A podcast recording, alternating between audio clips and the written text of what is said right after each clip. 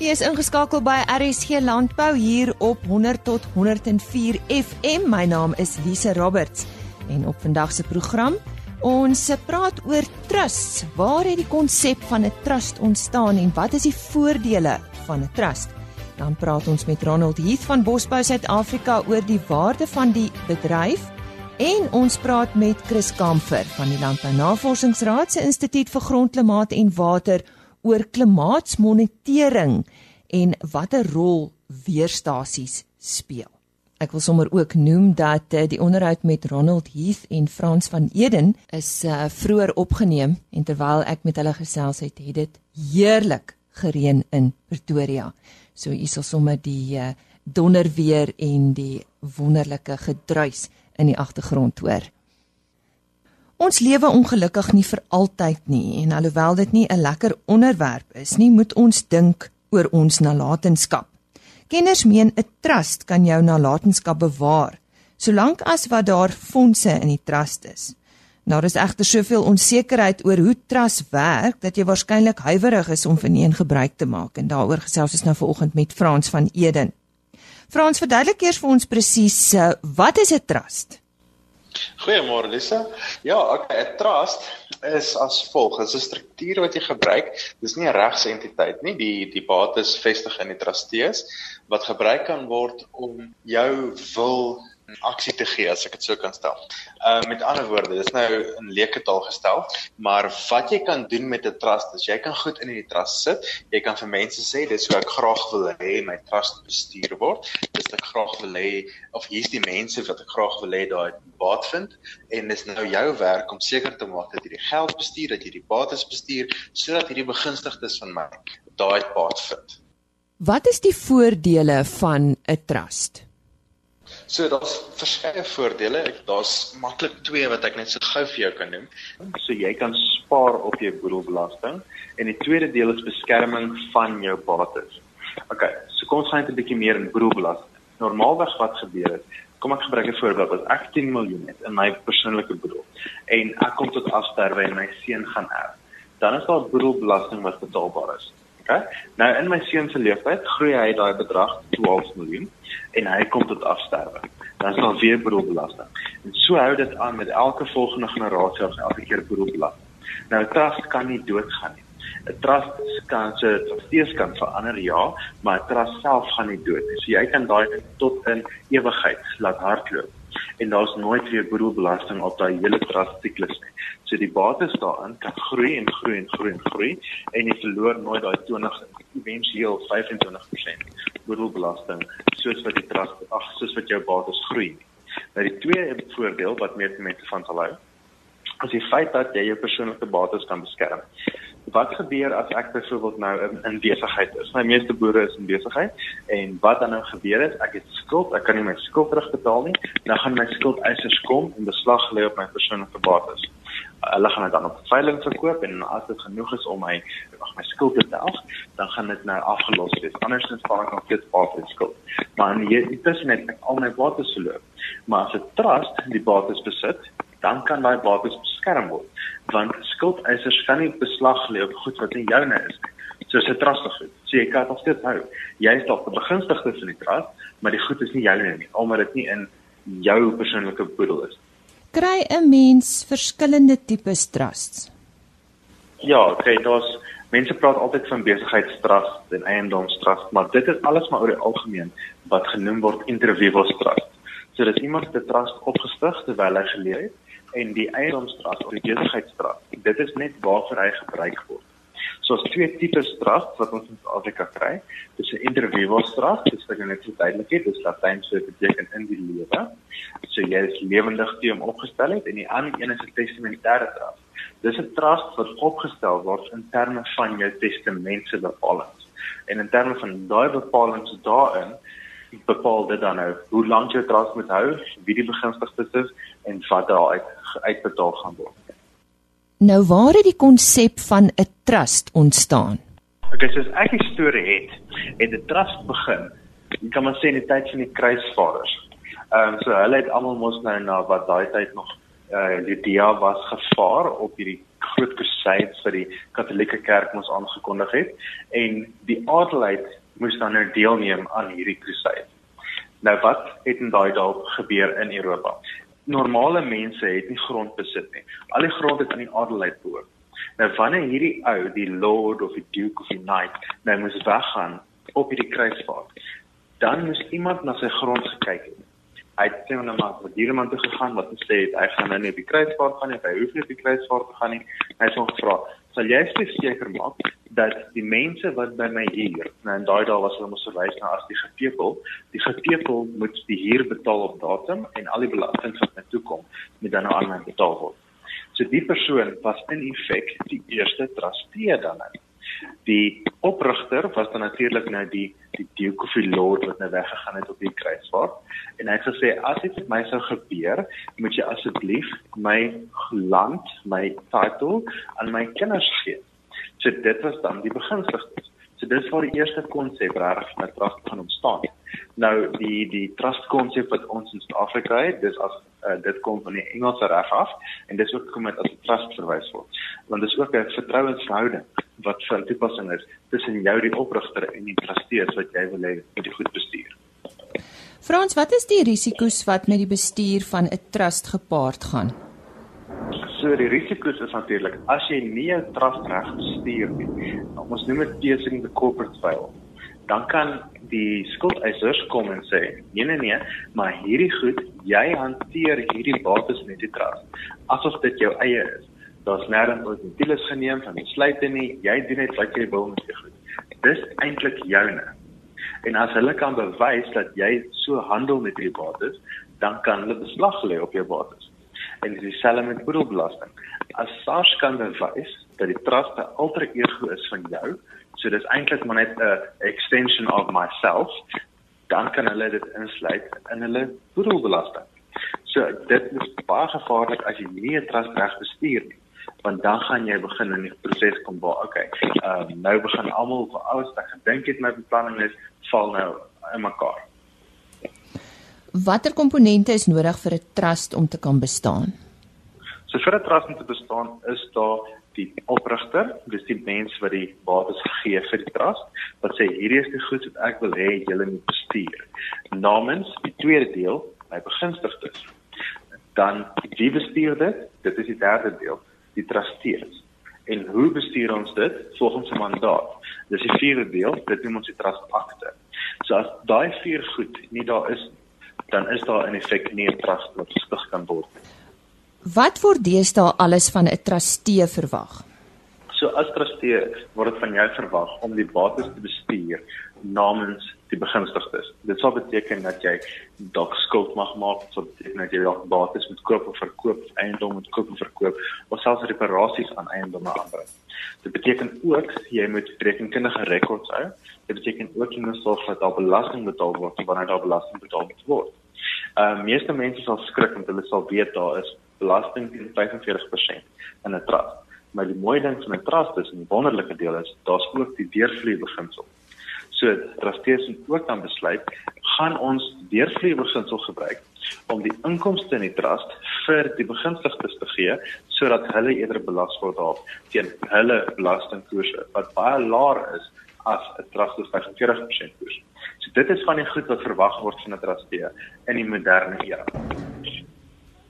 Wat gebeur indien hierdie bepalinge nie nagekom word nie? Okay, so wanneer die bepalinge van 'n trust nie nagekom word nie, dan is die trustee persoonlik aanspreeklik vir enige skade en ook wanneer hy dit nie reg bestuur nie, dan kan die hele trustee struktuur en ag die trust struktuur in mekaar val. Ehm um, ek het vroeër genoem daarvoor dat SARS dan nou kan sê dit is alter ego of dat jy jou ehm um, krediteure kan sê nee, ons speers die corporate file om sê dis deel van jou persoonlike bates. Dit is die risiko's wat kan gebeur wanneer jy nie jou goed reg bestuur nie. En hoe bestuur ons dit reg? Wel met notules. Want ek as mens kan 'n besluit neem en ek kan dan 'n aksie neem. Maar hoe bewys jy die besluit is geneem? Jy skryf dit op papier neer. Almal wat daar by was, teken daarby. Al die trustees en dis hoe ons bewys ons het 'n besluit geneem. En solank jy besluit ehm um, reg is, wetlik reg is en ook in terme van die trust akte geneem word, is jy veilig. En dan is die die hele truststruktuur ook dan nou tot 'n groot mate beskerm. Wie kan 'n trust oprig? So daar's 'n groot miskonsepsie dat net prokureurs trust kan oprig. En dit is eintlik maar verkeerd. Want enige iemand wat die kennis het om 'n trust akte op te stel, kan trust oprig. Daar's net 'n bepaling wat sê dat daar moet 'n onafhanklike trustee op die trustraadslede is wees. So dit mag wees iemand wat jy vertrou, wat die kennis en vermoë het om te bestuur en dis oor die algemeen maar dalk 'n finansiële adviseur, rekenmeester of selfs 'n prokureur. Maar jy hoef nie net 'n prokureur te gebruik om trust op te stel nie. Meeste rekenmeesters in Suid-Afrika het meer as genoeg kennis ook om 'n trust op te stel en hulle doen dit oor algemeen ook. Enige ander raad vir iemand wat so iets wil doen, eh, Frans, om dit af te sluit? My enigste ander raad sal wees net om seker te maak dat jy met iemand praat wat weet wat hy doen. As ek nou regskokkie wil wees, sal ek sê jy praat met my, maar dit is nog nie mooi om so iets te sê nie, maar maak seker jy praat met iemand wat weet wat hy doen sodat jy reg kan lê want hierdie hele ding wat jy beplan is nie net vir jou nie dis vir generasies wat na jou kom ook. En jy moet nou die tyd insit om seker te maak dis reg gestruktureer sodat almal kan baat vind daarna ook Ons sê weer eens baie dankie aan Frans van Eden. Hy het met ons gesels oor trust en uh, ja, soos hy gesê het, maak seker indien jy 'n trust wel laat opstel dat 'n kundige jou adviseer. Nou eers landbou nuus, uh, baie goeie nuus vir SA Wol. Op Woensdag 10 April is Wolf Edmeyer, bestuurende direkteur van BKB in Venesië, verkies as die nuwe president van die IWTO en dit staan vir die International Wool Textile Organisation. Dit is die eerste keer dat hierdie eer 'n Suid-Afrikaner te beurt val. Hoeveel keer het onakkurate weervoorspellings nie al jou dag se planne in die wiele gery nie? Heelwat boere maak ook van weervoorspellings gebruik om te beplan. Dis is akkurate voorspellings noodsaaklik vir die landbousektor. Met die modelle wat deesdae weer kan voorspel, sal baie mense wonder of daar nog plek is vir weerstasies in die bedryf. En ons gesels vanoggend met Chris Kamfer. Hy is 'n projekbestuurder klimaatsmonitering by die LNR Landbou Navorsingsraad. Chris, verduidelik net eers vir ons goeiemôre, wat beteken klimaatsmonitering? Goeiemôre Liesel en uh, al die luisteraars. Uh, klimaatsmonitering beteken eintlik dat ons die die omgewing, die klimaat in die omgewing dophou as ou dit so kan stel. So ons ons meet alles in die omgewing en ons stoor daardie data. Dit het niks te doen met voorspellings nie. Wat presies is 'n weerstasie en wat kan alles hier gemeet word? OK, ehm um, soos wat ek van tevore verduidelik het, daar's verskillende tipes van weerstasie en dit hang af vir watter doel het 'n ou 'n weerstasie uh, opgerig. Uh, as ons nou vergelyk ons weerstasies met die Suid-Afrikaanse Weerbureau, dan het die Weerbureau kyk na ehm um, regionale tipe van weer terwyl ons wil daar op die plaas gaan kyk wat gaan daar aan. Dus ons stasies verskil in 'n mate van hulle sinne, maar daar's 'n paar basiese goedes wat presies dieselfde is. Soos byvoorbeeld ons meet reënval, ons meet temperatuur, ons meet wind, die rigting en die spoed daarvan, maar een van die dinge wat ons byvoorbeeld meet is radiasie. So dit is die son se instraling wat ons meet wat baie belangrik is in die landboubedryf. So ook uh, meet ons grondvog, uh, grondtemperatuur en so aan by 'n paar verskillende stasies. So hoeveel weerstasies is daar in Suid-Afrika? Uh, in Suid-Afrika het 'n hele paar weerstasies, maar die twee grootste organisasies wat weerstasies beheer is die Suid-Afrikaanse Weerbureau en dan onsself uh, en hulle het in die orde van omtrent so 200 uh, weerstasies terwyl ons uh, in die orde van 530 weerstasies het. Maar maar Christus, dis daar so baie modelle wat weer kan voorspel. Is is daar nog 'n toekoms vir weerstasie netwerke? Nee, daar's beslis plek vir 'n uh, weerstasie ehm um, uh, weerstasies om om te gaan kyk dat die die modelle wat gebruik word wel korrek is. Dit gebeur baie keer dat ons na die weer kyk uh, op ons telefone of ons sien dit op die nuus en sê die weer sê môre is dit nat en dan in die oggend as ons opstaan vat ons ons ja, reënjassie saam en ons gaan werk toe dan kom ons daar en die heel dag nie gereën nie. So die die voorspelling is wel reeds baie akkuraat, maar dit gebeur tog nog dat daar verskille voorkom. En dit is waarvoor daar weerstasies nodig is. So ons wil ons voorspelling gaan vat en dan gaan kyk of ons voorspelling presies dit is wat die weerstasie dan op 'n sekere stadium gemeet het. So ja, weerstasies is definitief uh, dringend nodig. Uh, wat ek uh, miskien wat uh, luisteraars baie sal help is om te gaan kyk na vergelykings tussen byvoorbeeld ons weerstasie netwerk en die van byvoorbeeld Duitsland. Duitsland is omtrent die grootte van die Vrystaat sowel as die Wes-Kaap gesamentlik en Duitsland het in die orde van 2000 weerstasies in daai selfe gebied terwyl ons sit met heelwat minder weerstasies. Ons sit nie eens met soveel in ons hele land nie. Duitsland se weer is baie meer egalig as ons weer in Suid-Afrika. As ou nou maar net dink, hoe verander die weer van die Oos-Vrystaat reg deur tot die Wes uh, Weskus? Daar is baie weers omstandighede wat verander en weerstreke wat uh, daar tussenin lê. En dus is dit noodwendig om meer weerstasies te hê om meer akkuraat te kan voorspel. Nou soos ons tegnologie ken, is daar altyd nuwe ontwikkeling. Uh, is daar enige opwindende tegnologie uh, wat weervoorspelling in die toekoms dalk meer akkuraat kan maak? kyk uh, die die toerusting wat ons gebruik op weerstasies raak meer en meer ehm um, gesofistikeerd. So in terme van die toerusting raak dit beter, maar ek dink daar is daar is ander tipe van van uh um, siening wat ou moet miskien na gaan kyk. Byvoorbeeld artificial intelligence is een van die dinge wat 'n ou kan in insluit by die voorspelling van weer weer data want artificial intelligence is 'n rekenaar wat vir homself leer.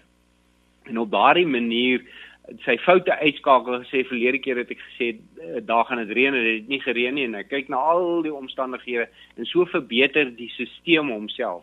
Ek dink dit is definitief iets wat uh, in die toekoms uh, deel gaan vorm van ons weerstasie netwerk. Plus daar gaan meer gesofistikeerde uh, satelliete in die in die uh, weer om die aarde wentel wat gebruik sal kan word om om meer data in te voer en en modelle te verbeter. Nou ja, terwyl ons jou sommer hier op die lyn het, wat is die LNR se voorspelling vir weerstoestande vir die res van 2019 en almal wonder nou veral op hierdie stadium Chris, uh die winter voel so half asof hy hier is al. Ja, kyk eh, die LNR is nie veronderstel volgens wetgewing om enige voorspelling te maak wat weer aanbetref, maar ek dink ons is alom ons weet almal dat uh, ons het 'n La Nina jaar en 'n La Nina jaar voorspel vir ons eintlik baie groot ekstreme. So ons praat van ekstreme droogtes, ekstreme reënval, ekstreme hittes en koue. So en daar het ons dit nou. Ek dink ons winter is 'n bietjie laat maar nog steeds uh, ons kom kom agter hy's hier en hy het eintlik redelik vinnig op ons toegesak. Nou ja, dit was dan meer oor uh, weervoorspellings en uh, klimaatsmonitering en ek het daar gesels met Chris Kamfer.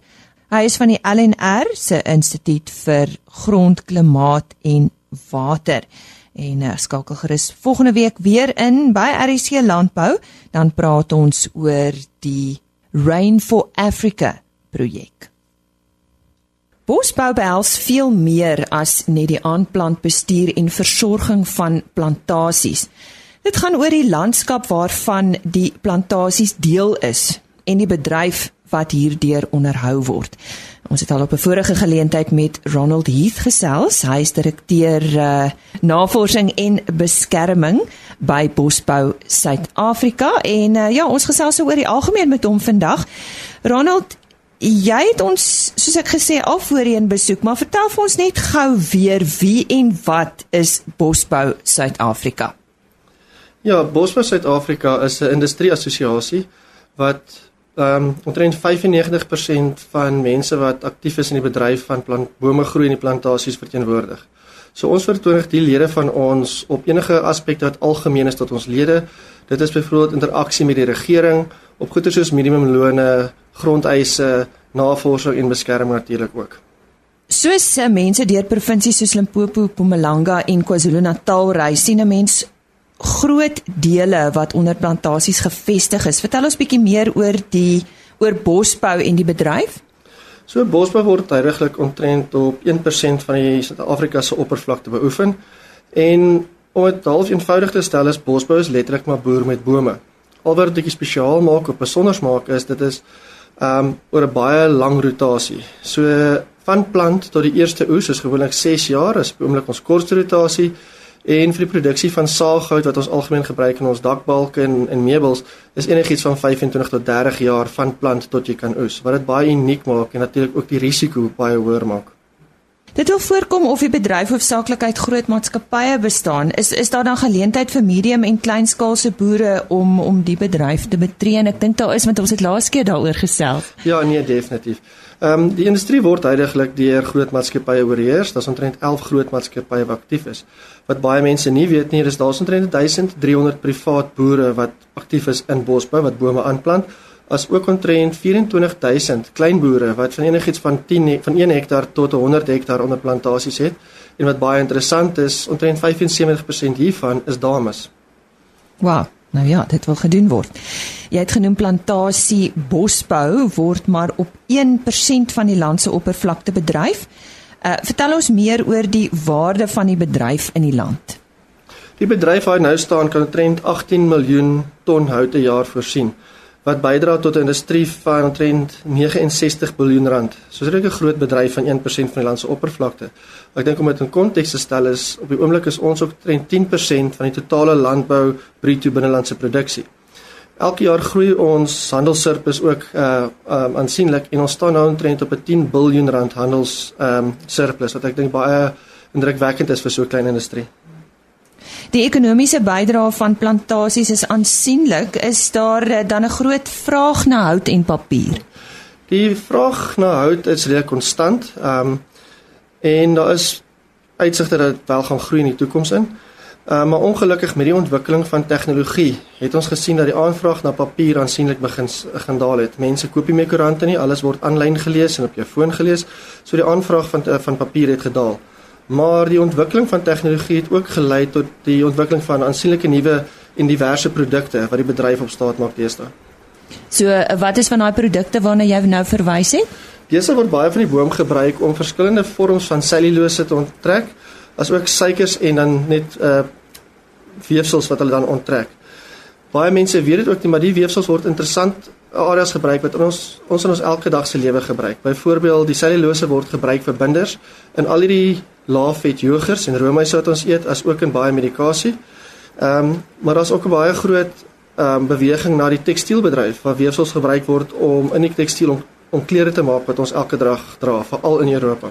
Wow. Ervaar die bedryf groei eh, wat uh, die diversifisering van produkte betref, uh, Ronald? Ehm um, ek sou sê om dit net direk te antwoord ja, definitief daar is groei, maar dit hang ook af hoe ons nou groei definieer. So oor die laaste 40 jaar het die industrie op per oppervlakte maar met omtrent 4.4% gegroei. 'n Groot deel rede daarvoor die klein groei is in die vroeë 90's het um, die industrie vrywillig groot areas onttrek uit produksie uit vir volhoubaarheid, uh, omgewingsvolhoubaarheid spesifiek. Maar in dieselfde periode waar ons met 4.4% in area gegroei het, het die industrie, die bedryf se produksie amper met 52% gegroei. So ek dink dit is my ware groei in plaas van net oppervlakte is die toename in produksie 'n ware indikasie van ons groei as 'n sektor. Jy het verwys na 'n vrywillige onttrekking van produksieareas om omgewingsvolhoubaarheid na te streef. Uh, wat behels dit? Ja, die bedryf het sukses in die vroeë 1990s omtrent 300 000 hektaar wat op daai stadium amper 20% van die totale produksiearea het hulle onttrek. Die hoofrede daarvan was vir watervolhoubaarheid en waterbestuur. So die industrie het aktief gegaan en bome verwyder uit vlei lande en waterweë om die toename in water wat uit die stelsel uit te beweeg, um, toe te neem of of op te stoot. En dit is totaal al vir vir volhoubaarheid en op dieselfde tyd het die waterwet ook ingetree wat van hierdie aksies ehm um, nog sterker gedryf het vorentoe. So dit lyk my die bedryf is baie toegewyd in opsigte van bewaring. Ja, definitief. Ehm um, omtrent 28000 hektaar van areas bestuur deur bosbou is is vlei lande wat aktief bestuur word as as bewaringsarea. Omtrent 25% van die land se totale natuurlike woude is op plantasies en word bestuur deur deur plantasie eienaars.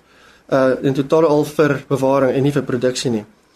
So om dit op te som omtrent 30% van die grond wat besit word deur die bedryf word aktief vir bewaring doeleindes bestuur en nie vir produksie enigsins nie. Jy het nou verwys na bewaring en die omgewing, maar het die bosboubedryf nie 'n negatiewe impak op waterbronne nie? Ja nee, definitief vir die jare is daar baie stellings al gemaak van dit is waterpompe en dit suig water op en daar's baie baie ehm um, syfers wat baie hoog is en en ongelukkig is die eintlik nie baie is glad nie waar nie.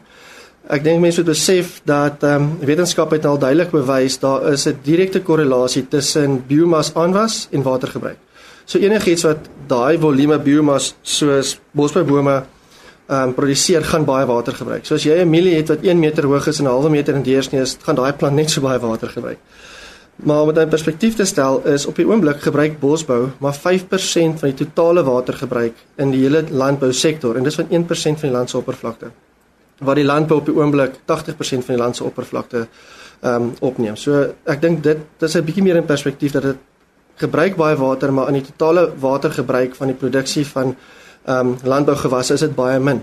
Wat ook baie positief is, die water wat uit die stelsel uitbeweeg in ons riviere en damme is 100% skoon en, en bruikbaar. Daar is nie chemikalieë in nie.